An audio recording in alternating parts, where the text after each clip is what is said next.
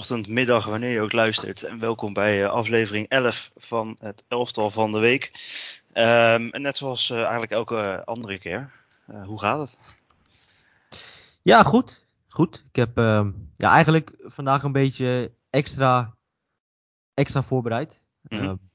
ja, normaal gesproken ben ik nog zeker op de dinsdag ook nog druk om heel veel samenvattingen te kijken. Ja. maar ik heb dat even links laten liggen en van de spelers die ik al had gekozen, uh, ben ik bij sommige spelers iets extra erin gedoken, wat extra beelden opgezocht. Uh, extra wedstrijd, gewoon de hele, hele wedstrijd teruggekeken, speciaal voor die speler. Uh, dus ik heb me extra goed voorbereid, hoop ik. En, dus ja, het gaat met mij wel prima. En, hoe is het met jou nog steeds gelukkig samenwonen? Nog steeds, het gaat nog steeds goed. Ja, geen ruzies? Nee, nee, nee. Geen, geen gevechten, je bent niet uit huis gezet? Ik ben er nog niet uitgezet. Ik mag, ik mag hier nog wonen. Mag je nog wonen? Dus, maar mag, waarschijnlijk wel onder hele strikte regels. Ah, absoluut. Dus je, dus je moet echt. Ik denk dat je echt uh, dat je alles moet opruimen, niks mag op de grond liggen. Je moet luisteren. En als je niet luistert, dan uh, volgende maatregelen. ja, zoiets. Ja. ja. Eigenlijk is dat de hot topic elke week. Woont Magiel nog steeds samen? Dat is eigenlijk het meest belangrijk. Elke week op terug, tot dat antwoord een keer nee is. Nee, ja, maar dat is, daarom luisteren mensen deze podcast. Speciaal ja, hiervoor. Dat is het moment. Hij kan nou uit. Nee, nee ja, nee, dit was het. Jongens, dit was het. Uh, tot volgende week. We zijn weer klaar. We zijn weer klaar. nou, laten we dat nou niet doen. We hebben je een heel elftal uh, samengesteld. En dan stoppen we ermee. Ja. Maar uh, over dat elftal gesproken. Ja. Nou, laten we maar gewoon beginnen. En uh, we gaan het niet helemaal anders doen. We beginnen gewoon bij de keeper. En uh, dat is deze week Dean Henderson van, uh, van Nottingham Forest. Met het, het, mooie petje wat hij op had van het ja. weekend. Ja. ja, dat is wel mooi. Dat vind ik wel Tuurlijk. mooi. En, ja, je hebt wel eens keeper die dan, keepers die dan in de zon kijken dan niet, niet met zo'n petje spelen. of keeper dan in dit geval. En dat deed hij wel.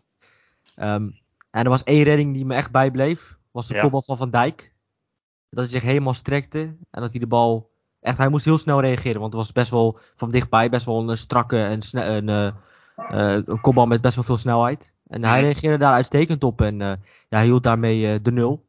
En Nottingham Forest stond ja, voor deze speelronde onderaan. Ja. En ja, hele knappe, knappe zegen geboekt. Um, ja, je kan zeggen, Liverpool is natuurlijk niet in vorm en mist ook nog Thiago in deze wedstrijd. Ja, ja, je kan eigenlijk bijna uittekenen dat als Thiago niet meedoet, dan helemaal niet in deze vorm. En dan blijft er heel weinig over van, uh, ja, van Liverpool. Klopt. En dat was in deze wedstrijd. Uh, ja, kreeg op een gegeven moment Nottingham Forest bij 1-0 ook echt ontzettend veel kansen. Mm -hmm. En uh, ja, ze hadden ook de 2-3-0 kunnen maken. En ja, uiteindelijk in de slotfase komt Liverpool dan toch. En dan houdt Dean Henderson toch een aantal goede ballen eruit. En vooral deze kopbal van Van Dijk. Die toch in aanvallend opzicht ja, best wel veel pech had. Want hij kreeg echt wel een aantal kansen in aanvallend opzicht. Mm. Alleen, uh, ja, Dean Henderson was deze keer te machtig. En ja, Dean Henderson kennen we natuurlijk allemaal van, van Sheffield United. Ja, klopt. Daar maakte hij indruk. Was natuurlijk een huur, huurling van, van Manchester United. Mm -hmm. um, hij is natuurlijk weer teruggegaan, teruggegaan naar Manchester United. En mm -hmm misschien je dacht bij jezelf, gaat hij eerste keeper worden? Want zeker destijds, David de Gea maakte toen een heel erg onzekere indruk. Klopt, ja. Um, maar zeker vorig seizoen ja, was de Gea echt uitstekend. Uh, kwam Dean Henderson weinig aan spelen toe. En nu bij uh, ja, Nottingham Forest, bij weer een promovendus, um, doet hij het uitstekend. En ja, WK-kansen. Hij, um, heeft hiermee zichzelf wel weer in de kaart gespeeld. Uh, om misschien wel uh, ja, om de eerste keeper te zijn op dat wereldkampioenschap. Absoluut, en als ik me niet vergis, was hij natuurlijk ook basisspeler in de, in de Nations League wedstrijden. Mm -hmm. En um, ja, hij maakt, maakt voor zichzelf wel een uitstekende beurt uh, door ja, het zo goed te doen en thuis tegen Liverpool de nul te houden. En Virgil van Dijk van een score afhouden. Absoluut. Als je dat maar niet op het WK doet, hè? Nee, laten we hopen van niet. Nee, dan, dat is, dat zou, uh, dan vervloeken dan, we hem allemaal hier. Dan mag het niet, inderdaad. Dan, maar... uh, dan wat ik hier gezegd heb over Dean Henderson vergeten we dan. Hè? Dan is het gewoon echt een verschrikkelijk dat, dat, dat, vervalt dan gewoon. Dat vervalt. Maar ja, uh, ja, ja uitstekende keeper. En, Absoluut. hij doet het zo goed. En ik zeg altijd, mensen die deze podcast vaker luisteren. ik hou ervan als je een keeper hebt die punten pakt voor een ploeg. Mhm. Zeker als het gaat om, eh, om als je tegen degradatie speelt. Is dat vrij cruciaal om een goede keeper te hebben. Want je krijgt als keeper heel veel te doen. Klopt. Dus je moet wel een keeper hebben die. Kijk, natuurlijk zal je een aantal tegengoals krijgen. Dat, als je zoveel kansen tegen krijgt, gebeurt het. Maar op de cruciale momenten moet je als keeper wel staan. En Mhm. Dean Henderson laat het wel zien.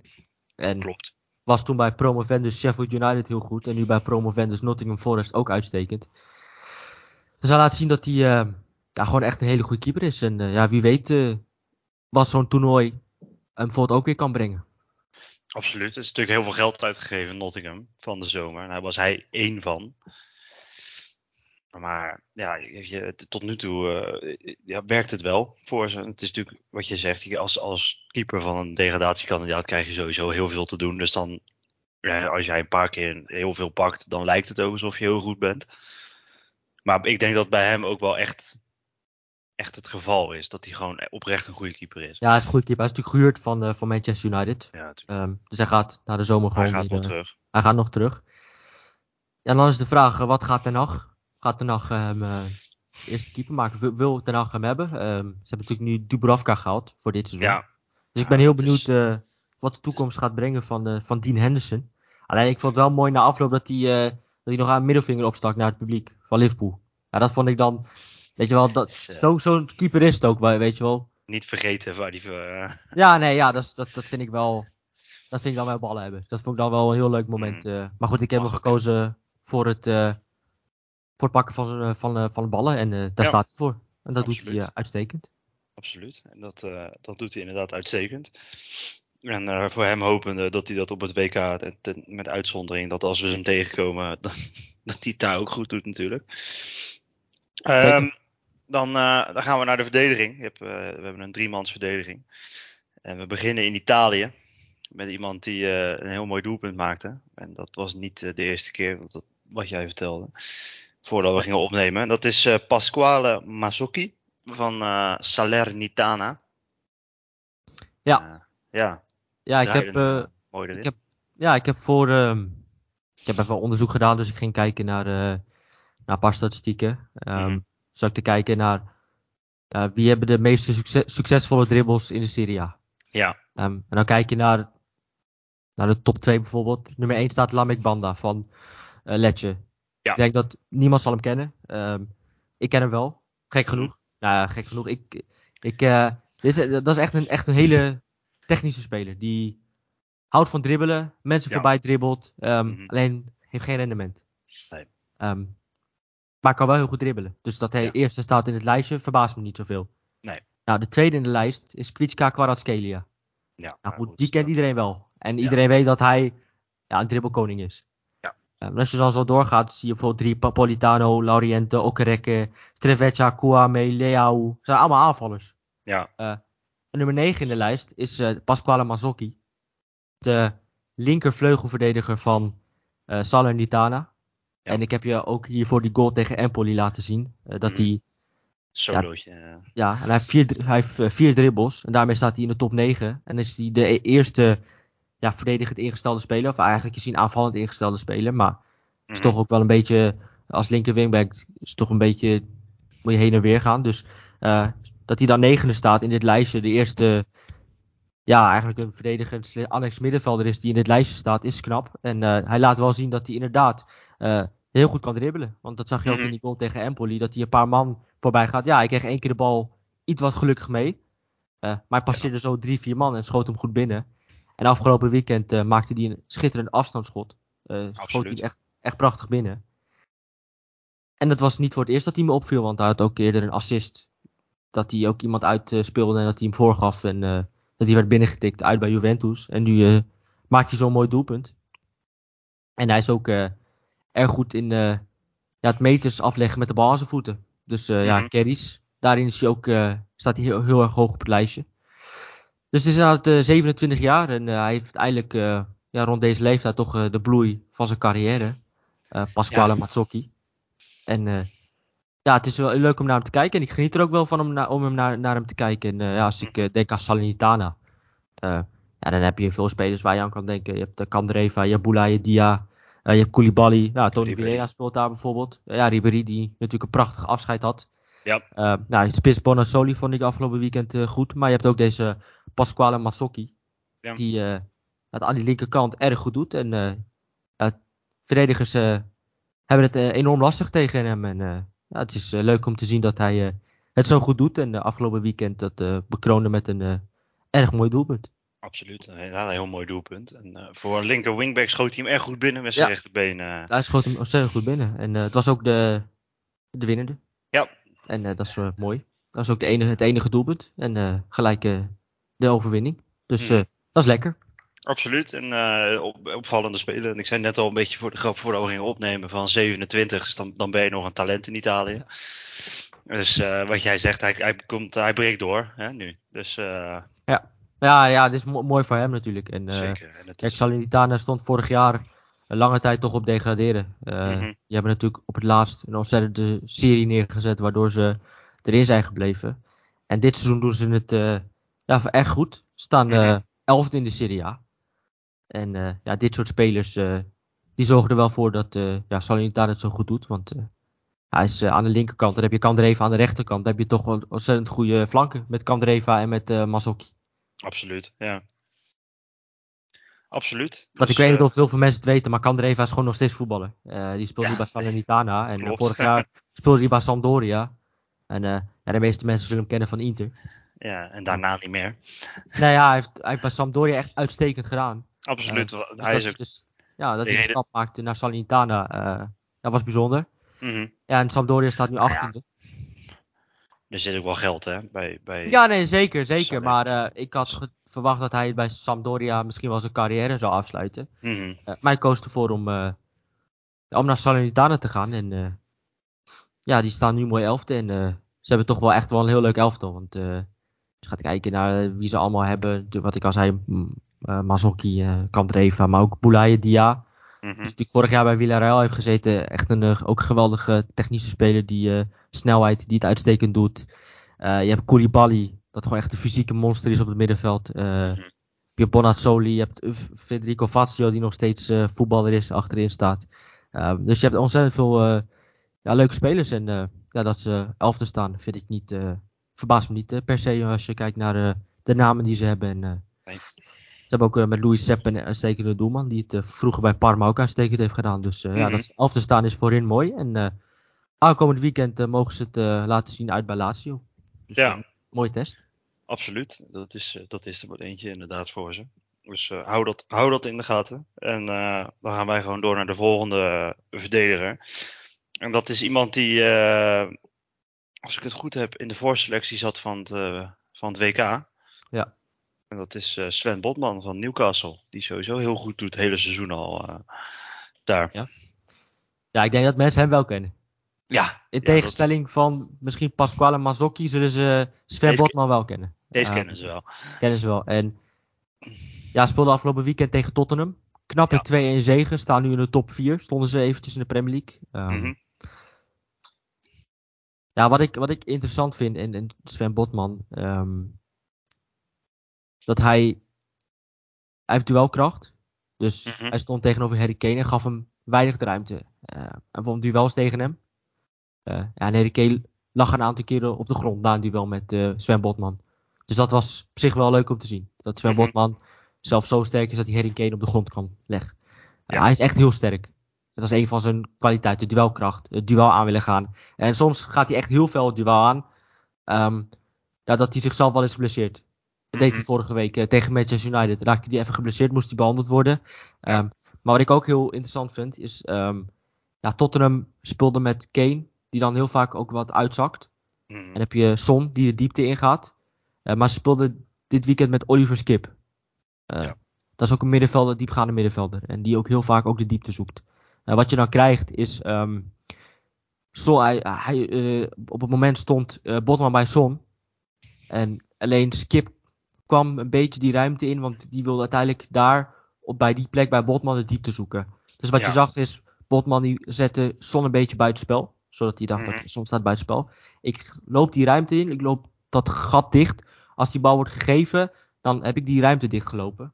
dus die bal gaat uiteindelijk naar Kane. Nou, inderdaad, Skip loopt de diepte in. Maar ja, de, hij schat de situatie zo goed in dat hij eigenlijk met hem meeloopt. Dus dat hij, dat hij eigenlijk alleen maar mee hoeft te lopen. En dat hij zo de bal kan veroveren. En over de zijlijn kan. de bal gaat dan over de zijlijn, want hij tikt hem over de zijlijn. Mhm, mhm. Maar hij kan wel die situatie goed inschatten van mijn man loslaten en die ruimtes afdekken. en zo het gevaar oplossen.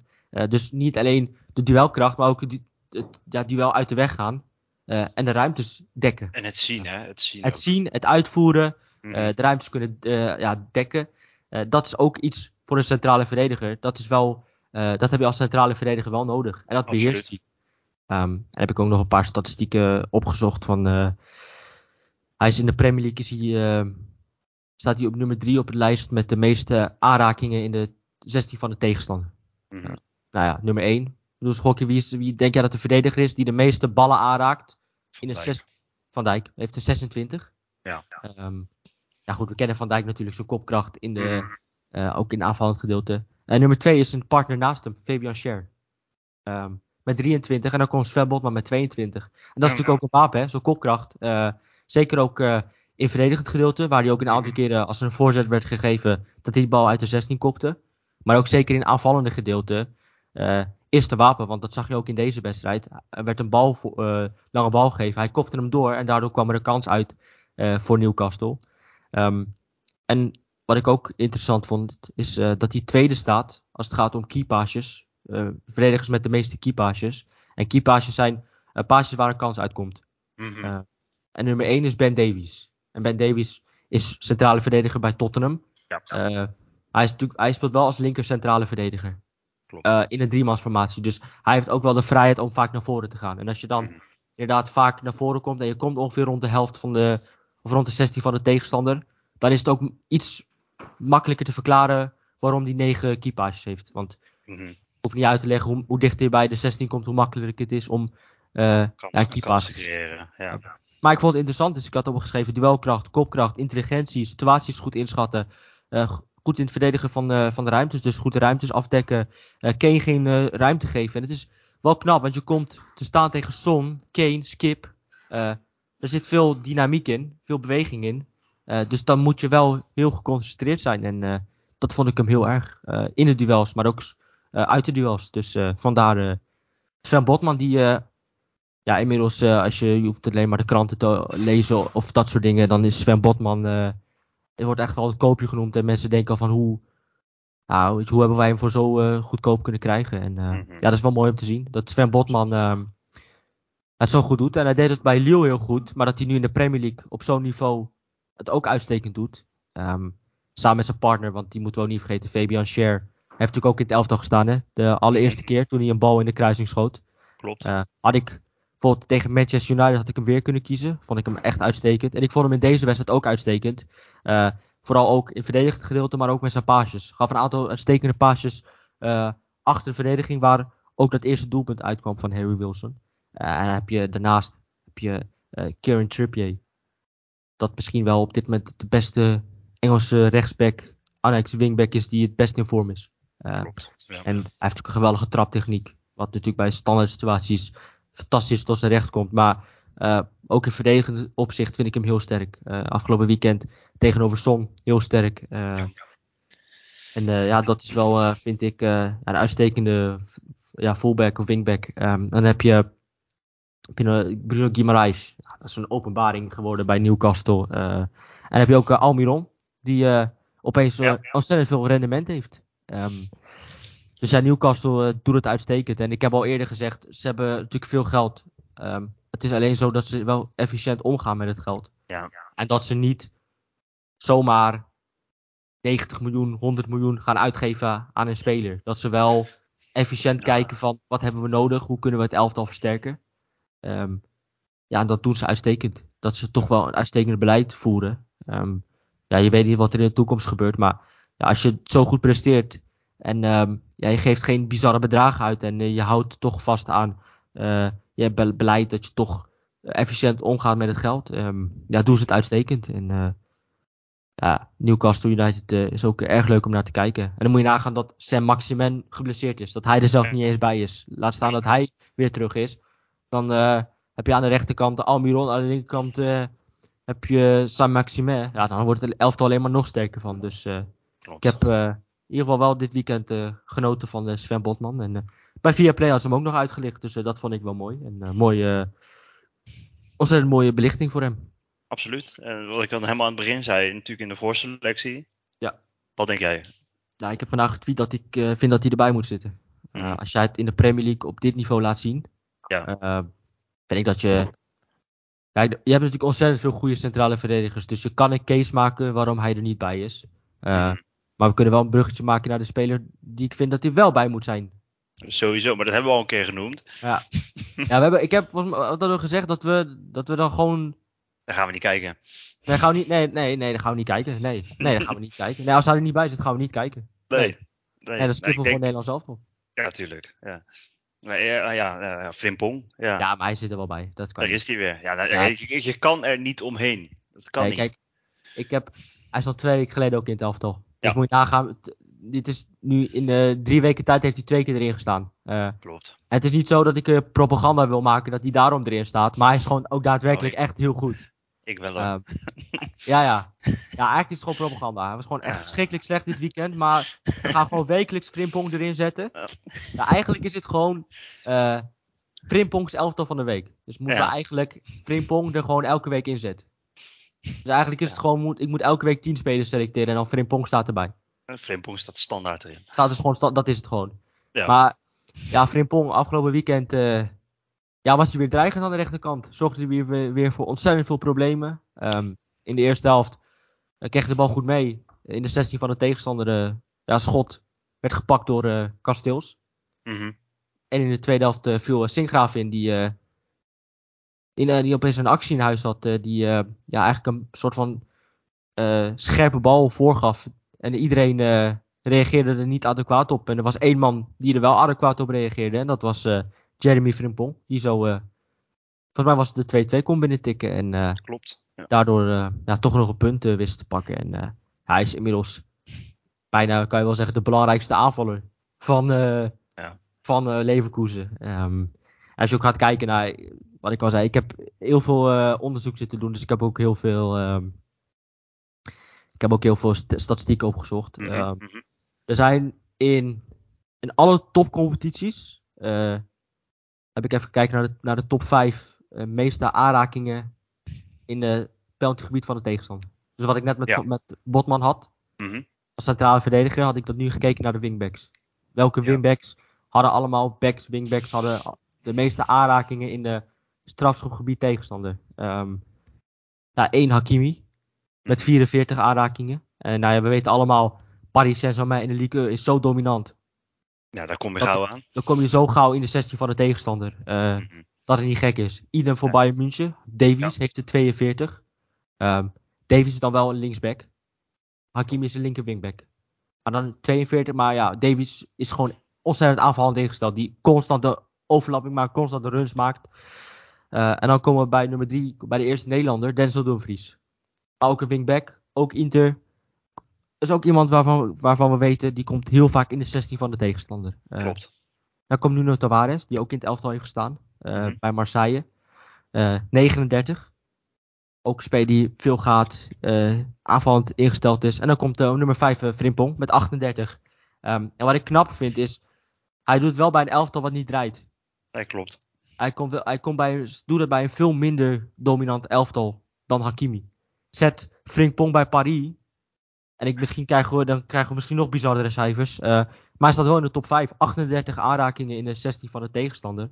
Ehm, maar dat verklaart ook eh, zijn aantal goals dit seizoen. Ehm, want dat is best wel bizar als je gaat kijken naar. Eh, dat, die, dat, die, dat je gaat kijken naar een, een, een, wingback. Hij begon eerst als rechtsback, hè? Maar nu is hij Hmm. meer wingback, annex aanvallen. Klopt. Ehm, dat je ja, vijf goals hebt in elf wedstrijden bij een ploeg wat niet draait. Ja, dat is krankzinnig. Eh, dus het is, je kan niet meer een case maken van Frimpong gaan wij niet meer ne- meenemen naar de WK. Dat kan, dat kan gewoon niet. Het zou, als dat nu gebeurt, en ik had het toen ook al gezegd, dan zou ik als ik hem was kiezen voor Ghana of voor Engeland of voor, Klopt. voor mijn Voor partitie voor Congo. Maakt mij niet uit. Wie Maar dan dan zou ook. ik, zou ik echt, eh, zou ik echt bedanken. Want eh, ja, wat, moet je nog, wat moet je nog meer doen om door gekozen voor het WK. Als je kijkt, hij heeft de drive. Hij heeft snelheid. Hij heeft techniek. Klopt. Uh, hij maakt het verdedigers ontzettend lastig met zijn techniek. Met zijn, uh, hij is natuurlijk ontzettend bewegelijk. Uh, mm. Maakt doelpunten. ja, en hij, je wordt gewoon ontzettend gek van hem. Want hij blijft maar gaan en hij blijft maar in de 16 komen. En dan moet je als tegenstander moet je dat toch wel in de gaten gaan houden. Want ja, dan komt, dan komt hij weer Frimpong. En dan komt hij straks weer. En even later staat hij er weer. Dan komt hij weer in de 16. Ja, en dat, dat gaat vaak mis. Want uh, zoals die 2-2 staat hij er weer. Wordt hij door iedereen over het hoofd gezien. Dan kan hij zo de 2-2 maken. Uh, ja, ongelooflijk. Echt, het is een genot om, uh, om naar hem te kijken. En ik heb ehm, ja, gewoon weer Frimpong gekozen. Want hij was gewoon weer goed. En weer belangrijk. En ja, als je ziet hoe hij het bij Leverkusen doet. Dan is het niet te, zou het niet te verklaren zijn. het was eigenlijk al niet te verklaren waarom hij überhaupt niet uh, voor het eerst werd uh, geselecteerd uh, tijdens dat. tijdens die Nations League. Tijdens de Nations League, maar ja, als hij niet tijdens het WK wordt gekozen, dan, ja, dan worden we echt boos. Dan, dan, dan hou ik ermee op. Dan stoppen we er gewoon mee. Nou, dat lijstje, maar het is sowieso dat lijstje wat jij net noemde met die vijf spelers. Je zou ja. ze maar allebei kunnen oproepen. Ik bedoel, er staan twee Nederlanders staan in dat ja. lijstje. Ja, je nee, kan ja, ze, ja, je zeker. kan ze gewoon allebei oproepen. Kan ja. Zeker. Dumfries, Frimpong, ik zou, als ik van Gaal was, ik zou ze oproepen. Tuurlijk. Ik zou ze allebei. Stond. Ontzettend goede spelers. Stond al op de definitieve lijst bij mij. Ja, nee, ja, maar, ja, maar het is wel heel knap. En uh, dus, dat, dat, is ook wel te zien dat Dumfries en Frimpong ook wel op elkaar lijken. Mm -hmm. uh, dat je wel met Frimpong een tweede Dumfries hebt. Iemand die blijft gaan, iemand die in de 16 van de tegenstander komt. Wat Dumfries ook heeft. Die drive heeft Frimpong ook. Mm -hmm. uh, en Frimpong vind ik nog betere techniek. Is ja. nog sneller. Ja. Mm -hmm. Alleen ja, Dumfries doet het zo goed dat je Frimpong, dat je geen case kan maken, hoeft te maken van Dumfries moet banken voor Frimpong. Da nee, daar dat, dat, daar dat, kan ik nog wel mee leven, want Dumfries is ook gewoon echt heel goed. En mm ook echt een hele goede speler. En doet het bij Oranje ook echt heel goed. Dus het is niet zo dat ik denk, uh, hij moet in de basis, maar hij moet wel mee worden genomen. Tuurlijk. Ik denk dat Dumfries misschien ook verdedigend wel iets beter is. Ja, ja dat denk ik ook wel. Ja, ja absoluut. Hij is verdedigend wel sterker. Um, maar Dumfries, wat ik al zei, hij doet het zo goed dat er geen reden is om, om hem eruit te halen. Um, maar hij moet wel mee Frimpong. Dus uh, Tuurlijk. daar ga ik wel vanuit. Even, en, en een minuutje mee laten doen, hè? dan zit hij vast. Ja, ja, ja, dat is het allerbelangrijkste. Nee, maar uh, jawel, hij gaat sowieso ook wel minuten krijgen Tuurlijk, en invallen. En, tuurlijk, hoe fijn is het als je Dumfries hebt, die de hele wedstrijd uh, langs jouw kant rent. En dat je even later, als je moe bent in de 60ste minuut, dat je Frimpong erin brengt. Ja, dan word je als tegenstander helemaal gek hoor. Dan ben je als tegenstander helemaal kapot en dan moet je ook nog achter Frimpong aanlopen de rest van de wedstrijd. Ja, dat is krankzinnig. Daarom. Is, het is echt krankzinnig dat wij Dumfries en Frimpong hebben. Mm -hmm. Dat wij die twee kunnen selecteren en uh, dat je gewoon een van de twee gewoon erin kan wisselen in de 60ste minuut. Wat een luxe is dat? Ja, dat is toch top. Absoluut. Dus uh, nee, we gaan, ik ga ervan uit dat ze allebei erbij zitten. Onze, onze case is gemaakt. Ik bedoel, uh... Ja, nee, ja, hij luistert. Van Gaal luistert naar mij. Dus, tuurlijk, tuurlijk. Absoluut. Um, ja, laten we doorgaan. Uh, voordat we het de hele aflevering over uh, Frimpong hebben. We gaan naar, uh, naar het middenveld. We gaan naar Spanje. Met uh, Monchu. Ja. Chu van Real Valladolid. Ah, klinkt als een Pokémon, hè? Ja, weet je wel, ja. Klinkt als een Pokémon. Maar nee, ik heb van hem genoten. En ze, Valladolid speelde met 1-0. Won met 1-0 mm -hmm. van Real Sociedad thuis. Ja. En um, ja, hij zette eigenlijk de toon, want hij scoorde eigenlijk gelijk begin van de wedstrijd. Um, werd alleen afgekeurd. Uh, was in de opbouw was er een overtreding gemaakt. Um, en even later, um, wat me opviel in deze wedstrijd is dat Sociedad heel veel de bal, lange bal speelde. Uh, alleen bij dat ene moment, meteen nadat die goal werd afgekeurd, uh, zag je dat Monsu eigenlijk tussen de twee centrale verdedigers in zat. De bal aangespeeld kreeg. En een geweldige lange bal vooruit gaf achter de verdediging. Waar Sergio Leon, Sergio Leon de 1-0 maakte. Uh, mm -hmm. Echt een aanrader om die assist terug te kijken. Echt een prachtige assist van achteruit. Gewoon oprecht van ongeveer uh, de 16, eigen 16 geeft hij de bal echt prachtig richting 16 van de tegenstander. waar uiteindelijk die 1-0 uitkomt. Um, en was ik voor de rest benieuwd. Want ik, toen ik, als ik hem zie dan denk ik dat is echt een hele technische flu fluwele speler. Die ja, gewoon echt heel mooie dingen doet aan de bal. Alleen als je ziet wat hij ook zonder bal doet. De intensiteit hoe hij, die hij ook zonder bal uh, wat hij laat zien is intensiteit, ballen veroveren, druk zetten. Uh, zelfs over de helft van de tegenstander doordekken, ballen veroveren. Hij heeft er echt een aantal keren of rond de helft of rond de eigen of rond de middenlijn of zelfs over de helft van de tegenstander de bal veroverd, waardoor Social dat kon uitbreken of uh, de Lead kon uitbreken. dus dat vond ik wel interessant om te zien en indrukwekkend mhm. om te zien. Dat als je naar hem kijkt, dan denk je echt dat is echt een fluwele, prachtige middenvelder die uh, waarschijnlijk uh, zijn broekje schoon heeft. Als hij uh, straks de kleedkamer weer ingaat. Maar Klopt. als je ziet ehm, ja, dat hij ook ehm, ja, ballen verovert, dat hij ook druk zet, zelfs over de helft van de tegenstand, die ook gewoon die gif heeft. dan doet hem, dat gif doet me ook wel een beetje denken aan, aan Gavi. Barcelona heeft ook dat gif in zich. Ook dat, dat, dat hij ook blijft gaan en dat hij ook druk zet en ballen wil veroveren de kosten van alles. En dat heeft deze Moncho ook. En uh, ja, hij komt ook uh, uit de Barcelona gedeelte. La Masia. Ja. La Masia. Um, ja, daar wordt natuurlijk, het voetbal hoef je hem niet te leren. Nee. Dat kan hij. Mm -hmm. Alleen het is wel, hij speelt natuurlijk wel heel vaak bij, uh, hij heeft ook vroeger bij Girona gespeeld, die toen in de Segunda hebben gespeeld. En je speelt nu bij een promovendus.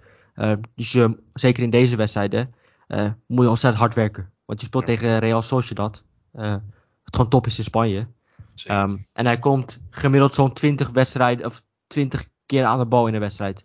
Dat is niet veel. Mhm. Nee. Gaat kijken, Tony Kroos komt als het op een goede dag 120 keer aan de bal in de wedstrijd. Uh, dus het is ook heel veel zonder bal werken. En daarin is hij heel goed. De intensiteit waarmee hij speelt, de druk zetten, nou, het vooruit doordekken. Uh, zelfs over de helft van de tegenstander ballen veroveren. Uh, daarin vond ik hem uitstekend. En, hij heeft drie van de vijf duels gewonnen. Hij had twee blocks, hij had één clearance en twee intercepties. Um, ja, daarin vond ik hem heel indrukwekkend. En uh, elke keer zag ik, uh, zag ik één iemand uh, kaart mijn beeld in, in rennen en druk zetten. En dat was elke keer nummer 8. was elke keer Monshu die met hoge intensiteit en met gif er weer, weer door mijn beeld kwam rennen. En dat was elke keer die Monshu. Dus nee, ik heb van hem genoten. En daarom Monshu. En nou, in de tweede helft had hij nog een schitterende paas. Want hij kwam echt maar 20 keer aan de bal. maar van die 20 keer had hij wel twee schitterende paasjes. Waar hij dat doelpunt uitkwam. En uh, hij had ook zette Plato voor de goal, Plata. Die we op het toernooi op het WK tegenkomen. Dat is een Ecuadoriaan. Ja. Um, die wilde hij voor de goal zetten. Alleen keeper reageerde net wat adequaat. Um, maar ik heb uh, ontzettend genoten van deze Monshu. En hij kreeg in de plaatselijke, plaatselijke krant van Valladolid kreeg hij 9. Dus als hij 9 kreeg, doet het goed. En ik heb ook van hem genoten. Dus daarom Monshu. Ja, Gewoon die assist was prachtig, maar ook vooral de intensiteit waarmee die speelde en de gif waarmee die speelde vond ik uh, indrukwekkend om te zien. Ja, ik heb er uh, niks aan toe te voegen. Dus laten we doorgaan naar uh, de volgende middenvelder. En dan gaan we naar Duitsland. Voor de, de tweede keer al dit elftal. En dat is Jude Bellingham van Dortmund. Ja, heeft hij een keer eerder erin gestaan? Zo. Volgens mij niet. Al heb ik wel een aantal keren getwijfeld om hem erin te zetten. Um, Ja, nu heb ik hem wel ingezet, want uh, hij had twee goals. Ja. En een prachtige voorassist. Op de 5-0 was hij degene die de steekbal gaf op uh, Rafael Guerrero, die hem voorgaf. En het werd uh, eh, 5-0. Ja, bij de eerste doelpunt um, kreeg hij de bal rond, rond 16. speelde hij door op uh, Soele aan de zijkant. Liep hij goed de 16 binnen, kreeg de bal terug en tikte hem zo binnen. Het was al na één minuut. Uh, ja, die tweede, de tweede schiet hij echt schitterend binnen. Um, ja, het is, het is een alleskunner. Um, mm -hmm, klopt. Hij, als je gaat kijken, want ik heb ook even de stats erbij gepakt. Omdat ik wilde gewoon kijken van. Ik ben niet altijd zo'n statsman, maar toch ben je af en toe wel benieuwd van. Uh, als je kijkt naar de stats, zie ik een beetje. Wat, kloppen de stats een beetje met wat ik gezien heb. En uh, ja. dat klopte ook, want hij was degene die de meeste dribbles had in de wedstrijd. Mm -hmm. uh, hij was degene die de meeste duels won in de, wedst in, in de wedstrijd. Um, ja, hij is gewoon, was gewoon alles kunnen. Uh, dat jij degene bent die de meeste duels wint, degene met de meeste tackles, degene met de meeste dribbles. Um, ja, als jij dat allemaal hebt, dan, heb je gewoon, dan ben je gewoon verdediger, middenvelder en aanvaller in één. Als je twee goals hebt en een, en een voorassist, en ook nog, je wint ook nog de meeste duels. Mm -hmm. uh, en je, en je, voert ook nog de meeste dribbles uit, dan ben je gewoon een hele compleet package. En dat is hij natuurlijk ook, want je zag hem op een gegeven moment ook uh, in de eigen 16 staan en dan weer in de 16 van de tegenstander. Want hij heeft dit seizoen is hij uh, nog meer aanwezig in de 16 van de tegenstander. Dat hij nog veel meer runs maakt in de 16 van de tegenstander. Mm -hmm. Maar je ziet hem ook heel vaak ook teruglopen naar zijn eigen 16 en daar bijvoorbeeld een bal wegkoppen. Of op het middenveld een bal veroveren. Of als, als hij onder druk komt te staan, dat hij ja, zich onder de druk uitspeelt met een dribbel. En dat hij Mhm. dan nog een tegenstander diepte instuurt gelijk. ja, dat je dan als elftal via Bellingham onder de druk kan uitspelen. En vanuit daar ook gewoon gelijk ja, het, spel, het spel kan beginnen. Want hij kan echt het spel openen met zijn passing. kan hij voor gevaar stichten. En met zijn techniek kan hij onder de druk uitkomen. En dan heeft hij ook nog een scorend vermogen. En hij kan hij ook nog mensen, medespelers bereiken. En ook combineren rond de sessie van de tegenstander. Veel combineren met medespelers om, om ja, ergens toch een gaatje te vinden of ruimtes te creëren. ja, als je dat combineert met winnen van duels en het veroveren van ballen, ja, dan heb je een ontzettend complete middenvelder te pakken. En ik heb al gezegd dat, dat Jude Bellingham, Jamal Musiala en Pedri, dat zijn voor mij de drie middenvelders die de komende 15 jaar voetbal gaan domineren. Klopt. Dus we hebben het gehad over Xavi Iniesta. Ja. Maar we gaan het straks hebben over uh, Pedri, Musiala en Bellingham. Um, Mhm. En dat is, uh, is mooi om te zien dat hij nog zo jong is en uh, dit al presteert. En uh, ja, die is, volgend, die is weg na, de, na dit seizoen. Die is Mhm. 100% weg. Die, die gaat een miljoenen transfer maken. En die gaan we in de Premier League terugzien. Of uh, misschien wel bij Real Madrid. Maar uh, die gaat een, in ieder geval een hele mooie stap zetten richting uh, een hele mooie club. Want als je hem hebt als box-to-box middenvelder. Als jij fysiek hebt. Je hebt uh, kopkracht. Je hebt loopvermogen. Je hebt techniek. Je kan een doelpunt maken. Je kan een paas geven. Ja, wat kan je, wat, wat, wat kan je nog meer, wat moet je nog meer kunnen? Het schijnt dat hij misschien nog de koffiejuffrouwen kan helpen. Dat hij dat misschien nog kan doen, maar voor de rest kan hij eigenlijk alles al. Uh, nee, fantastische middenvelder. Die, uh, Mhm.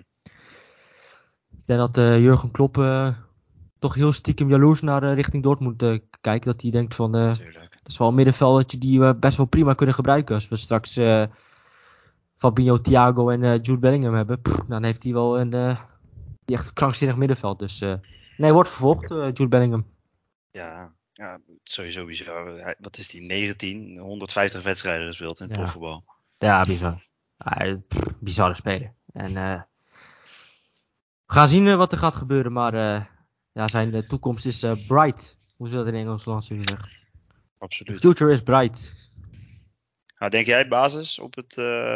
Ja, dat ligt, eraan, dat ligt eraan wat Southgate wil. Hè? Want het is toch wel een trainer van eh, voorzichtigheid. En, eh, zegt dat wel. het zou best wel kunnen dat hij misschien Declan Rice eh, laat spelen. Dat hij toch nog wat Nog voorzichtigheid wilt. Ja, Nog meer zekerheid inbouwen. ja maar ja, pff, als je mij de keuze geeft, dan doe mij altijd maar Jude Bellingham. Mhm. Want die is zo goed. Mhm. Ja, eens. eens. Nou, we gaan naar de volgende middenveld en we gaan weer, weer terug naar Italië. We gaan naar Juventus met eh Rabiot. Ja, Adrian Rabiot, om een beetje snel doorheen te gaan. Eh Adrian Rabiot, twee doelpunten. Mhm. Ehm, ja, hij scoorde tegen Maccabi ook twee doelpunten. En, ehm, het was wel zijn eerste van het seizoen in de Serie A. Dan ook gelijk Ja. twee. Ehm, maar ik vind Rabiot helemaal niet zo slecht dit seizoen. Ik Nee. vind hem dit seizoen best wel prima. Eh, ja, dit is ook echt een loper. Eh, Adrian Rabiot. Die, wat, die- wat ik ook wel aan hem zie de laatste tijd, wat me, wat me bij hem opvalt, is dat hij eh, een aantal keren met, met, met, een, een, met een run langs bepaalde spelers gaat. Waar hij da- daardoor het middenveld oversteekt en waar hij daardoor ruimtes creëert. Eh, Ja. Hij was ook betrokken bij het eerste doelpunt. Eh, want hij was degene die had een run. Dat hij, langs een paar, dat hij langs één of twee spelers ging op het middenveld. En dat hij de bal goed links gaf aan Kostis. Die gaf voor hem. Daar viel de 1-0 uit. Mhm. Eh, dus daarmee trekt hij eigenlijk het middenveld over en creëert hij daarmee ruimtes. Eh, dus dat viel mij een aantal keren op. Dat viel mij tegen AS Roma ook op dat hij dat heel erg heeft. Dat hij toch wel die runs maakt eh, met de bal aan zijn voeten. Ehm, ja, dat hij dan inderdaad ook nog twee keer mag scoren. Ehm, maar dat hij hem ook op een gegeven moment zag dat hij ja, in zijn eigen 16 dat hij nog een ja, bal veroverde. Ehm, dat het ook echt een, echt een box-to-box middenvelder is. met ontzettend veel loopvermogen. En blijf maar gaan, blijf maar gaan, blijf maar gaan. En beloond met twee doelpunten. Dus eh, ook een keer eh, ja, positief nieuws aan de kant van Juventus. Dat ze toch een Ja. goede zege hebben geboekt. En dat Adrian Rabiot toch toch wel een aantal keren door iedereen wel verguisd. Hè. Kon natuurlijk op het punt staan om naar Real Madrid te gaan. Of naar ja. Manchester United te gaan. Dat was ja. Ging niet. Klopt. En de speler die wel ging, staat ook in het elftal trouwens. maar daar komen we zo op. maar ja, Rabiot doet, doet het, vind ik, echt wel prima. En ja, het is gewoon een nuttige speler die je kan hebben. En ja, wat ik zei, als je ziet dat hij met zijn runs toch op het middenveld wel een aantal keren voor uh, situatie zorgt. Omdat hij toch het middenveld oversteekt en zo wat ruimtes creëert. dat viel mij ook weer in deze wedstrijd enorm op. En dat je dan ook ja, twee keer mag scoren. ja, ook één keer met de kop, wat ook wel een van zijn kwaliteit is. En ja, de twee goals, dus vandaar Adriaan Rabiot. Ja, helemaal terecht ook inderdaad. Want je zegt eigenlijk ook iets positiefs voor Juventus, want dat, dat, dat loopt ook nog niet echt dit seizoen. Nee, en ze hebben nu twee keer op rij gewonnen. Dus ja, wie weet waar. het begint ergens op te lijken. Ja, het begint eindelijk ergens op te lijken bij Juve. Maar ja, ze spelen nu tegen Benfica straks. Dus ja. ik ben toch benieuwd wat dat naartoe gaat leiden. Ja, want ze, hebben, ze moeten, moeten ja. Zeker. echt winnen. Ja, klopt. Um, ja, nou ja, ik heb uh, ja, eigenlijk over Rabiot niks toe te voegen. Behalve dan dat ik vind dat Juventus een enorm vreemdelingenlegioen is. Maar dat gaat niet per se over hem. Um, dan gaan we naar de man die je net al heel kort uh, noemde. Alleen niet bij naam. En dat is natuurlijk Casemiro ja. van, uh, van United. Ja, speelde eerst niet hè. Zat nee. eerst heel veel op de bank. Um, ja. ja. ik las dat het te maken had met fitheid of ook intensiteit. Um, Ten Hag misschien niet helemaal tevreden was over uh, zijn staat. Um, mm-hmm. Maar hij uh, staat nu natuurlijk een aantal keer nu in de basis. Ja. Sinds Everton staat hij in de basis. Um, afgelopen weekend was zo, want ik, ik, heb natuurlijk ook een trainer van de week gekozen. En daar ga ik nog uitgebreider in op wat ik vond van, deze, van die wedstrijd. maar zeker op het begin van de wedstrijd ja, was Casemiro en Eriksen ontzettend belangrijk. Ook in het druk zetten. En ook in het doordekken. Dat ja, tussen bij Chelsea werd ze overlopen. Uh, en daar was ook deze Casemiro gewoon heel erg belangrijk in. Omdat hij op de juiste momenten uh, en met de juiste timing druk vooruit zette. Waardoor Chelsea ook heel vaak op, de, op eigen helft richting de eigen 16 de bal verloor. Waardoor ook één keer een ontzettend grote kans ontstaat. Maar ja, Casemiro is natuurlijk, heeft een soort van chipje in zijn hoofd die altijd wel zijn omgeving scant. Van waar gaat de bal komen? Waar moet ik staan? Positioneel heel sterk. Want ja, de bal komt daar, dus ik moet niet daar staan. Of de bal gaat daar komen, dus ik loop hier daar naartoe. En het zorgt er wel voor controle op het middenveld. Uh, daardoor is hij ook gehaald. Daar ja. gaat dat nodig. We kunnen natuurlijk allemaal Brentford uit nog uh, herinneren. 4-0 verloren. Dat Mhm. het hele middenveld er niet stond. Bij United stond er heel lang geen middenveld. Met Casemiro zorgt ervoor dat je controle hebt. Uh, maar Casemiro zorgde ook uh, voor voetballend vermogen. Hij gaf ook een aantal hele goede paasjes. Uh, hij gaf ook een aantal goede. Hij opende het spel een aantal keer uitstekend. Verlegde het spel een aantal keer uitstekend naar links en naar rechts. Uh, of heel erg veel vooruit speelde. Echt ontzettend veel vooruit. Uh, en ja, dat is wel fijn om een middenvelder te hebben die ook veel vooruit speelt. Waardoor je eigenlijk het spel kan openen. ja, de, waarmee je het spel eigenlijk kan beginnen. Als jij Klopt. de bal geeft aan Bruno Fernandes vooruit. dan weet je er gaat wat gebeuren. Geef je de bal aan Eriksen, dan gaat er wat gebeuren. Geef je de bal rechts op Anthony, wat hij deed vaak met een lange bal dan weet je, dan gaat er wat gebeuren. Uh, dus hij weet ook waar die ballen heen moeten en uh, ja, waar het spel begint. Uh, en hij is eigenlijk degene die het spel begint. En, en de rest, als de, degene die de bal krijgt, ja, die moet dan het hele spel gaan voorgeven. En vaak is dat Eriksen of Bruno Fernandes. Maar hij speelt ze wel in en hij speelt ook, wat ik al zei, veel vooruit. En was ook aan de bal vrij belangrijk. Maar ook heel erg veel zonder bal belangrijk. toch een beetje de, ja, hij scant eigenlijk continu zijn omgeving. Mm. En kopt ook nog die 1-1 binnen. Uh, ja. Wat toch uh, met echt ontzettende blijdschap werd dat gevierd. Um, maar ik heb hier daardoor buiten die goal ook voor Casemiro gekozen om die redenen. Um, Mm. Ik ga later straks uitgebreid in over het tactisch gedeelte in deze wedstrijd. Ja. Um, maar dat is de reden dat ik Casemiro heb gekozen. Maar ik had bijvoorbeeld ook Martinez kunnen kiezen. Lisandro Martinez vond ik echt heel erg uitstekend. maar ik vond bijvoorbeeld Um, Chaloba bij Chelsea uitstekend. Of Giorgio de tweede helft heel goed. Maar uh, ik heb gekozen voor Casemiro. Nou, en terecht ook wel. Ik denk dat hij ook wel een beetje, het on, nou, een beetje gewoon het ontbrekende stuk was. Ja, kijk, hij zorgt er ook voor dat Eriksen beter in zijn kracht komt. Dat Eriksen, Eriksen weet, ik heb Casemiro achter me. Mhm. Dus ik heb meer vrijheid. Ja. Ehm, Bruno Fernandes weet, ik heb Casemiro achter me. Eh, het is zo fijn spelen als je Casemiro achter je hebt. Ik heb natuurlijk een verhaal verteld over Zidane. Die altijd Casemiro als eerste opstelde. Want Mhm. ja, dat is zo'n belangrijk speler. Zo'n zo'n verdedigende middenvelder die voor controle zorgt. Dat is zo ontzettend belangrijk. Want hij maakt een elftal beter. En hij maakt daadwerkelijk een elftal beter. Eh, dus vandaar eh, Casemiro. Ja. Nou ja, ik bedoel, wat je zegt inderdaad, hij maakt het gewoon beter. Hij zorgt, hij, zal niet degene zijn die het allemaal verzint, maar hij zorgt er wel voor dat degenen die, die de creativiteit hebben, dat ook kunnen. Kijk, hij heeft gewoon de, de, de, de intelligentie waar hij moet staan. En waar Ja. het gevaar komt, weet hij, daar, daar, komt de, daar komt het gevaar. Daar moet ik staan, daar kan ik een bal veroveren. Maar hij weet ook van, daar moet de bal heen, want daar kan het gevaar komen. Dus daar liggen de ruimtes. En hij kan die ballen ook geven. En eh, dat doet hij uitstekend. Dus hij doet de taak wat hij moet doen, doet hij uitstekend. En eh, daar maakt hij United beter mee. Eh, dus de Casemiro is eigenlijk een beetje ja, de, controlekamer van Real Madrid. Hè. Zorgt een beetje voor de controle daar eh, op dat middenveld. En maakt andere spelers beter. Dus eh, ja, Casemiro laat eigenlijk zien waarom eh, gehaald is. Want het is echt een geweldige middenvelder. Absoluut. Een geweldige middenvelder. Absoluut. Absoluut. Ehm, laten we naar de aanval gaan. En dan beginnen we in, in Duitsland. Bij Augsburg. Met, moet ik het even goed uitspreken, Mergim Berisha. Die hebben ze van mij een huurling van Fenerbahce.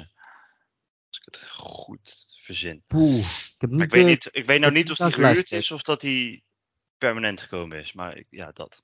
Ah, kijk, deze Mer- Mergin Berisha. eh, Mhm. Klopt inderdaad dat hij bij Fenerbahce vandaan kwam. Maar inderdaad wat je zegt, huur of niet. eh, hij is gehuurd. Ik Ah. weet niet of er een koopoptie, koopoptie bij zit. ehm, maar het is zo dat ik heb hem gekozen. Ehm Mhm. speelde... Dat was een hele gekke wedstrijd. Ze kwamen met 3-0 voor. Ja. Eh, en Mergin Berisha die benutte de, de penalty. Waardoor ze 1-0 voorkwamen. Mhm. En hij was ook degene die de corner nam waar de, waar de 2-0 uitkwam. En hij nam nog een vrije trap waar de 3-0 uitkwam. Ehm, dus hij was bij alle drie de goals betrokken bij eh, Augsburg. Ja. Alleen het gekke aan deze wedstrijd was, ehm, ze kregen uiteindelijk een rode kaart Ja. in de tweede helft. Dus was nog zo'n 20 minuten te gaan en er stond 3-0 voor Augsburg. En eh 20 minuten later stond het 3-3. Ja. Dus eh, ja, dat is als je een bed hebt gezet op eh, Augsburg, dan heb je een echte klote middag gehad, denk ik. Want van 3-0 naar 3-3, zo kort. ehm, ja, het was een, een hele interessante wedstrijd als je naar de scoreverloop kijkt. En ik heb, ja, Mergen Berisha viel me op, hè. Als je betrokken bent bij drie goals, waarvan ja, twee assists. En eentje uit de corner en eentje uit de vrije trap. Nou, heb je ook een goede trap in de benen. En eh, Absoluut. eh, hij heeft ook een penalty benut. Dus eh, ja, bij drie goals betrokken. En eh, 3-3. Dus vandaar deze Mergin Berisha. Die ook scoorde tegen Bayern München trouwens. bij de overwinning. Dus leuk om even ja, Mergin Berisha te benoemen. Inderdaad, om even, even een, wat is Om het? even Ja. in het zonnetje te zetten. Inderdaad, eventjes bekendmaken bij het, eh, bij het grotere publiek. Ja, ik bedoel, hebben we nog wat aan toe te voegen of gaan we Nou ja, ik denk, dat de, de, volgende, de, ik de twee denk- kanonnen? ik denk dat de volgende speler er ook wel eh, bij het grote publiek bekend moet worden gemaakt. eh. die zullen ook niet heel veel mensen Ja, kennen. ik, denk niet dat, ik denk niet dat deze man heel bekend is. Nee, ik denk het ook niet. Nee, Nee. nee. Nee, onze Argentijnse vriend. Onze kleine man. Lionel Messi. Kleine man. Ja. Ja, want ik heb weer van hem genoten. En eh, ja, de commentator zei eh, dat het niet zijn beste wedstrijd was. Dat hij best wel veel fouten deed. eh, fout deed. Maar als hij dit al laat zien. En hij deed al best wel veel dingen fout. Dan ben ik heel benieuwd. Als hij. Want hij kan natuurlijk echt nog wel veel beter. Want ja, hij had ook wel een aantal keren wat ruzie met de bal. Of een aantal keren dat hij, eh, dat hij een bal eh, kwijtraakte. Maar ja, als je ziet. Hij speelt echt met een groot gemak. En dat gebeurt dan ook wel als je dan zo, zo makkelijk gaat en, en Mhm. eh, dan op een gegeven moment verlies je ook wel concentratie. Dan gaan dit soort kleine dingetjes ook wel fout. Eh, omdat het zo makkelijk gaat. Dus dan op een gegeven moment verlies je toch wel je concentratie. Maar desondanks eh, goal, twee assists. En eh, je had eigenlijk gewoon best wel vijf, zes assists kunnen hebben in deze wedstrijd. Want hij legde de bal een aantal keren echt heel erg prachtig neer achter de verdediging.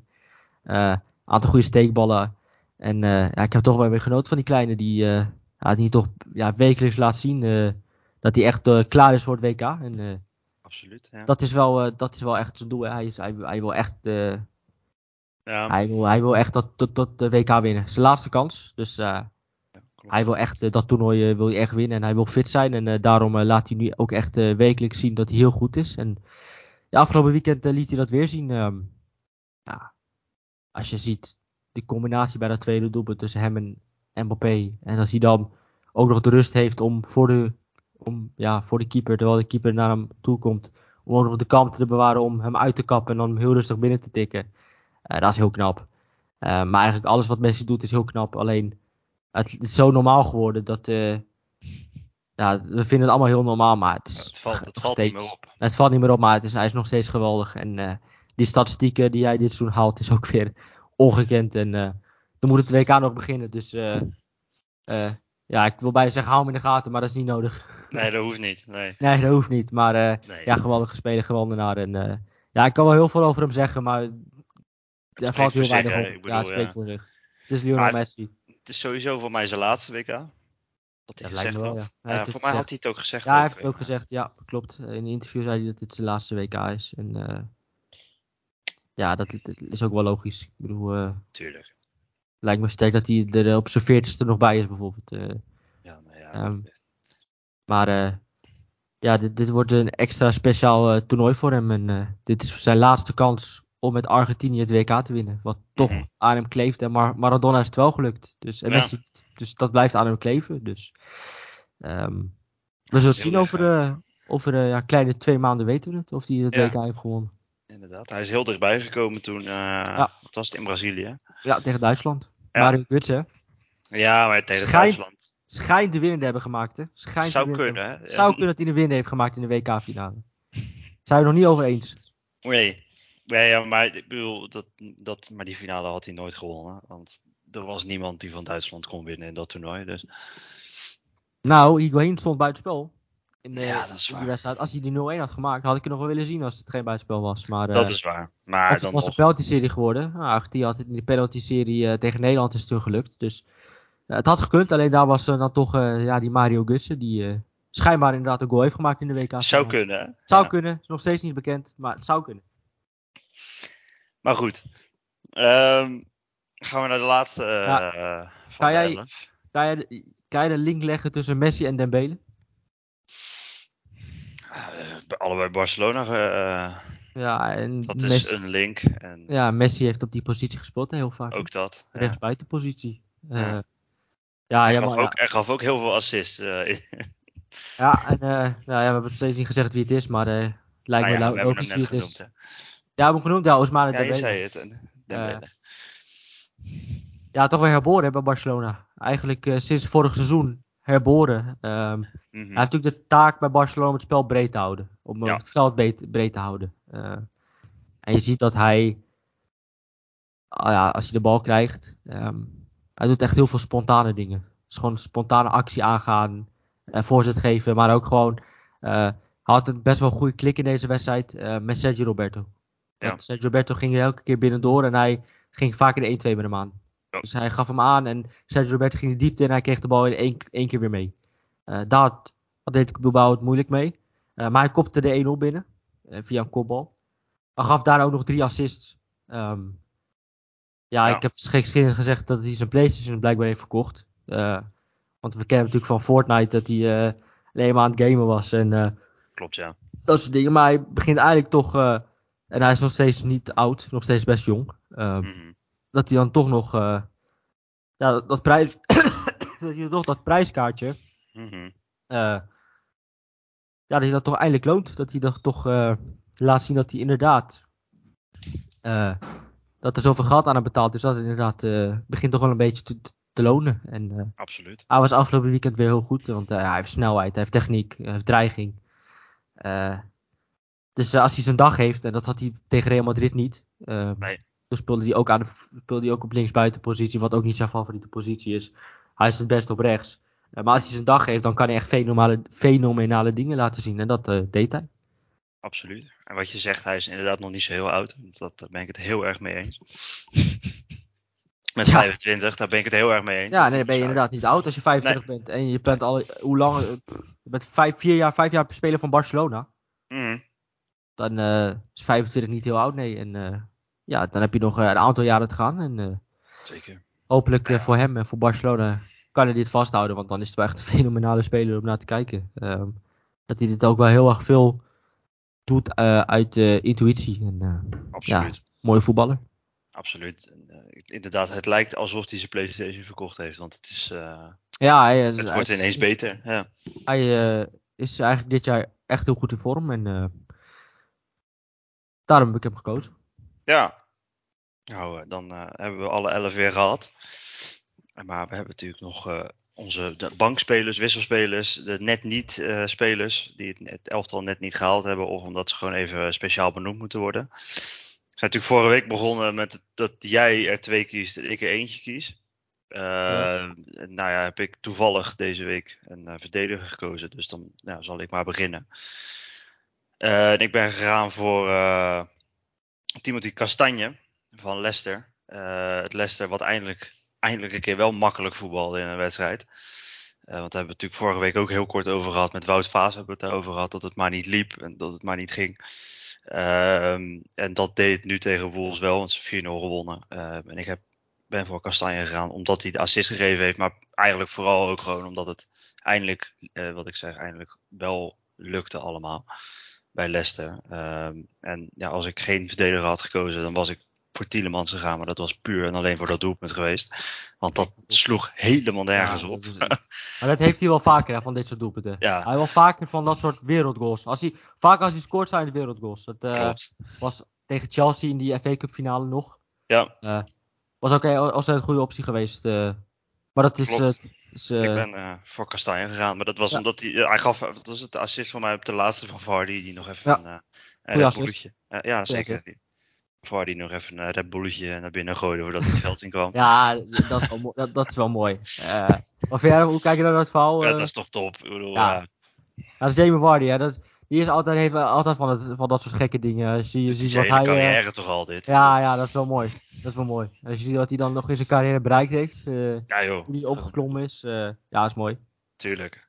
Dus uh, daarom, kastanje. Ja, hij heeft een ontzettende drive. Ja.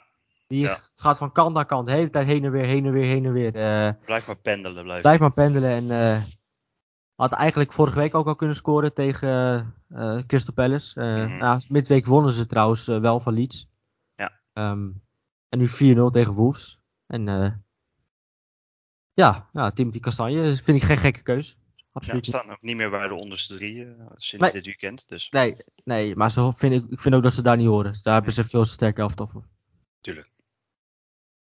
Nou, dan gaan we door naar de andere twee. En dat is, uh, we beginnen eerst met de middenvelden. Dat is Bra Brahim Diaz van uh, Milan.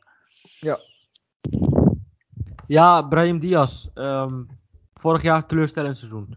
Ja. Um, en ja, het is een, als een mooie middenvelder om naar te kijken. Want hij is technisch. Hij, uh, heeft een, hij kan, draait heel makkelijk om zijn as. Mm -hmm. het is een hele fijne voetballer om naar te kijken. Alleen, het levert zo weinig rendement op. En um, ja, dit seizoen is het toch allemaal anders. En uh, gescoord tegen Juventus. Uh, begin van het seizoen was hij, had hij ook een aantal goals en assists. En nu heeft hij twee keer gescoord. Um, ja, de eerste was een hele mooie solo goal. Um, die hij uiteindelijk heel rustig benut. en de tweede schiet hij prachtig in het hoekje. En um, hij moest in de tweede helft geblesseerd eraf. Ja. Dat was heel sneu. maar ja, hij doet het heel goed. En las zelfs ergens dat uh, zelfs Real Madrid een oogje in het zeil houdt, zeil houdt om hem uh, misschien weer terug te halen. Want uh, ja, hij komt eigenlijk van Real Madrid. Hè, en, nog steeds verhuurd, dacht ik. Of niet? nee, volgens mij niet. Want hij speelt volgens nee? mij. Volgens, volgens, volgens mij is, het, is hij gewoon van AC Milan. als ik even kijk. Um, Brahim Diaz. Doen we allemaal even tussendoor. Zie je, wij kunnen gewoon twee dingen tegelijk. Ja, we um, zijn mannen en we kunnen gewoon multitasken. Ja, ja. Nou, je hebt wel gelijk trouwens. Hij is inderdaad verhuurd. Uh, mm. Maar ze hebben wel een optie tot koop. Ja. Um, maar uh, Real heeft een terug, terugkoopoptie. Ja. Um, dus Real Madrid kan hem terugkopen. Um, mm -hmm. Dus dat is, ze willen waarschijnlijk, ze, ze denken eraan of ze, ze houden de opties open om hem misschien wel terug te halen. Uh, maar ja, Brahim Diaz laat dit seizoen toch een beetje zien dat hij, nou, toch waarom hij gehaald is. Hè? Dat, mm -hmm. dat hij ook nog met zijn techniek dat hij ook nog eens de rendement toevoegt, ja, dan ja, wordt het een soort gevaarlijke, gevaarlijke middenvelder. En hij is ook de speler die Charles de Ketelaar op de bank houdt. En dat is ook niet niks. En dat was toch de aankoop van de zomer. Dus, En dat uh, Brian Diaz hem uit de basis kan houden, is, zegt genoeg over zijn vorm op dit moment. Absoluut, absoluut. En dan gaan we naar de laatste van de drie. En we blijven in Milaan. We gaan naar Inter met Lautaro Martinez. Ja, de knok, de, de, de gekste wedstrijd van dit weekend. Uh, Fiorentina Inter 3-4. Ja. Uh, ja, hij was de 1-0 was voor, zou het zijn, 80% zijn verdiensten. Mm De bal wordt gegeven vanuit rechts en hij doet een slim overstapje. De bal komt bij het Zeko en met wat, iets wat geluk komt hij uiteindelijk bij Martinez. Ja. En Martinez die zakte wat uit spits en daar ontstonden ruimtes. En Barella die ging die ruimtes in en Martinez had het goed in de gaten, want hij gaf de bal uitstekend mee aan Barella en daar viel de 0-1. en even later um, ja, neemt hij de bal mee met volgens mij of met rechts neemt hij mee en hij schiet hem met links erin. Of met links nam hij mee met rechts. Maar in ieder geval, hij nam met één been mee en met de andere been schoot hij hem binnen. Ja. Um, en hij scoorde ook nog een eh, penalty op het laatst. Um, dat was volgens mij de 2-3. Klopt. En het werd, nog, het werd nog 3-3. En uiteindelijk werd het nog uh, via een. Uh, ja, iemand schoot hem tegen de Mkhitaryan op. En het werd nog 3-4 in de laatste seconde. Dat was heel sneu. maar dat was een gekke wedstrijd. Maar ja, Martinez is toch nu de, ja, de man waar die de goals moet zorgen en voor moet zorgen. Want ja, Lukaku is natuurlijk nog heel lang geblesseerd. En Klopt. hij zorgt voor de goals. En ja, Barella doet dat de laatste week ook. Uh, heeft nu ook twee goals in, in de laatste twee, twee wedstrijden. Um, had een doelpunt vorige week en heeft nu ook weer een doelpunt. En, hm. Maar Lautaro Martinez is in een geweldige vorm. En ja, wie weet waar hij gaat eindigen. Wie weet, nou, Manchester United zoekt nog gespitst, dus wie weet. Je weet het nooit. Absoluut. Um, en dan gaan we naar de trainer van de week als, eh, als laatste. Dat is uh, Graham Potter van, uh, van Chelsea. Je noemde het net al. Ja. Even terug te gaan naar die wedstrijd. Ja, dit was echt een hele interessante wedstrijd. Want uh, wat ik al zei, Chelsea werd overlopen eerste half uur. Um, mm ja, Chelsea speelt natuurlijk met drie verdedigers. En dan heb je twee wingbacks en dan een middenvelder in. heb je vaak twee middenvelders. En dat is dan Jorginho in dit geval. Mm -hmm. maar ze, het, was, het was zo dat dus inderdaad United uh, ja, was de baas. En waren de, was het eerste half uur herenmeester. Uh, ja, ze kwamen heel makkelijk de verdediging van, uh, van Chelsea voorbij. die werd inderdaad, wat ik al zei, overlopen. en je kreeg heel makkelijk de druk erop. Um, want ja. United was met drie. United was met Eriksen, Bruno Fernandes en Casemiro. Terwijl um, Chelsea was met Jorginho en Loftus-Cheek. Ja als op het middenveld. Um, dus ja, dan heb je gewoon, heeft United een man meer. Klopt. En dat zorgt er natuurlijk wel voor dat je uh, ja, in de problemen komt. En dat had de trainer na een half uur ook in de gaten, Graham Potter. En wat hij deed is, hij wisselde uh, Cucurella eruit. En uh, ging ja, naar vier verdedigers terug. En haalde uiteindelijk uh, Kovacic erin, ging erin voor de Cucurella. En toen kwamen ze met drie te spelen. En toen kregen ze wel de grip erop. En toen zag je ook dat Chelsea sterker werd. En eh, we zagen ook dat inderdaad eh, de hand van, uh, van, uh, ja, van Graham Potter inderdaad dat het geholpen had. Dat met, met um, erbij kreeg Chelsea inderdaad meer controle en konden zij wat meer zelf de druk geven op United. En dan kwamen ze zelf wat meer tot voetballen. en dat was dus inderdaad de, tactische omzetting van, van Graham Potter, wat in deze wedstrijd ontzettend belangrijk was. Want het eerste half uur ja, was het middenveld ja, stond eigenlijk helemaal geen middenveld. Want uh, wat ik al zei, met 3 tegen 2. Uh, eh, zeker tegen het middenveld van United met Eriksen, Fernandes en Casemiro. Uh, ja, werd, werd de Chelsea op het middenveld overlopen. Dus ja, het is heel knap om te zien dat een trainer dat na een half uur gelijk durft om te zetten. En het ook gelijk adequaat reageert om na een half uur gewoon Cucurella naar de bank te zetten. Van ja jongen, het is misschien niet eens jouw schuld of zo, maar we hebben we hebben gewoon een extra middenvelder nodig. Dus we gaan gewoon terug naar 4. En ik vind dat, ja, dat Chaloba en Thiago Silva houd ik achterin. En uh, mm-hmm. jij bent dan helaas dit keer het slachtoffer. Maar ja, uiteindelijk is, heeft het wel gewerkt. Want je zag gelijk dat de Chelsea gelijk een stuk dominanter werd. De, de controle de, wat, wat meer terug kreeg. En dat ze zelf wat meer de druk op United konden zetten. Dus vandaar dat ik toch gekozen heb um, voor Graham Potter, om, uh, blijkt dat gewoon vooral een ontzettend uh, interessante ja, schaakspel vond tussen uh, beide trainers. En dat mm -hmm. Graham Potter dat zo snel binnen een half uur, na een half uur gewoon heeft omgezet. Ja. Ik vind sowieso dat hij het best goed doet bij Chelsea. Hij deed natuurlijk bij Brighton dit seizoen heel goed. Dat is überhaupt de reden dat hij gekomen is. Maar ja, je zou misschien denken dat hij ja, dat het toch wel wennen is voor een trainer. Dat je van een club gaat waar winnen mag naar een club gaat waar winnen moet. Dat dat toch wel een aanpassing is. Maar ik vind dat het best wel eh, eigenlijk heel geruisloos gaat bij hem. Kijk, het is, het is ook gewoon een trainer die. Uh, het is een duidelijke trainer. Het is een goede mm. trainer. Het is een tactisch ontzettend sterke trainer. Uh, maar het is ook een trainer als hij ziet dat het dan zijn plan niet werkt om dat ook gelijk weer recht te zetten. En er niet mee te wachten, maar gewoon gelijk adequaat reageren. Uh, En misschien is het dan niet gebruikelijk om na een half uur een speler eruit te halen. Maar als het niet werkt en je ziet, we hebben aanpassingen nodig. Uh, we, we, hebben een extra middenvelder nodig in Kovacic. Uh, ja, dat wij wel gewoon gelijk aanpassen. Cucurella eruit, we zetten Kovacic erin en gelijk krijgt Chelsea wel meer controle en kunnen ze ook, komen ze zelf aan voetballen toe. Uh, ja, dat vond ik heel sterk. En, ja, het is een goede trainer, het is een duidelijke trainer, het is een tactisch sterke trainer. Een trainer die spelers beter kan maken. En dat ze bij hem uitkwamen, vond ik totaal logisch. Maar het is ook een trainer die inderdaad ook kan switchen van formaties. Dat hij niet alleen maar vasthoudt aan, oh, we moeten met drie verdedigers. Nee, wat heeft het elftal nodig? Ah ja, het elftal heeft toch een extra middenvelder nodig. Dus we schuiven toch weer door naar vier verdedigers. We zetten inderdaad Kovacic erbij. En het gaat inderdaad een stuk beter. En, uh, en ik vond dat Chelsea inderdaad gelijk al de controle wat meer kreeg. En gelijk wat meer, uh, uh, ja, de, inderdaad wat meer naar voren kon gaan. En wat meer ehm, druk kon zetten op United. Dus daarom heb ik gekozen voor Graham Potter. Absoluut. En ze staat vanavond ook weer voor trouwens. Uh, ja, nu het ik ben die wedstrijd aan het kijken. Tegen, dacht, tegen Salzburg. Ik dacht, ik zeg er niks over, maar uh, ja, Chelsea uh, schoot echt een geweldige bal binnen met Kai Havertz. Maar ja, nee, ja. het is vandaar dat ik dacht, ik wil heel graag over deze wedstrijd praten. Dus dan doe ik het inmiddels middels van een trainer van de week. Dus vandaar Graham Potter. Ja, nou dan zijn we er alweer Ja, kijk, voor dat, kijk je kan zeggen had niet zo moeten beginnen. Nee, dat is um, maar dat je de lef hebt. Kijk, als je dan een lef hebt om dat zo om te kunnen zetten. Mm -hmm. Zo snel om te kunnen zetten. En dat het ook gelijk loont. Um, dat is knap. Want het, was, er stond nog 0-0. Dus er was nog niks aan de hand. Uh, ze werden overlopen. En het zag er niet uit. En, het, het, en uh, uh, United was veel, veel beter. Maar het stond nog wel 0-0. Mede omdat Rashford kansen miste. Dus was er wel op het juiste moment greep je in. Want als hij het zo had doorgelaten, had United absoluut in de eerste helft nog meer kansen gekregen. Uh, dus die wissel was uh, op het juiste moment. Absoluut. En uh, nou, wat je zegt inderdaad. Kijk, hij, het, niet vasthouden, eh, onnodig lang vasthouden aan, aan hoe je speelt. Maar gewoon, ja, weet je, als je het probeert en het, en het werkt niet, gewoon aanpassen. Kijk, ja.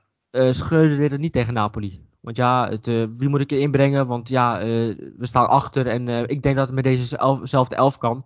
hij denkt, uh, ik ga niet afwachten. Dit gaat zo niet. Dus ik kan mhm. wel mensen de kans gaan geven. Maar dit gaat ten koste van het spel, ten koste van ons middenveld, ten koste van resultaat. Uh, resultaat. Dus ik moet ingrijpen en dat doet hij dan. Mm -hmm. En dat vond ik ook knap. Ja, nou ja, absoluut. Helemaal mee eens. En uh, ja, ik denk dat we er dan doorheen zijn voor deze week. Dus iedereen die hem weer helemaal afgeluisterd heeft, want dat doen jullie natuurlijk allemaal. Absoluut. heel erg bedankt voor het luisteren natuurlijk. En, uh, en tot, uh, tot de volgende weer.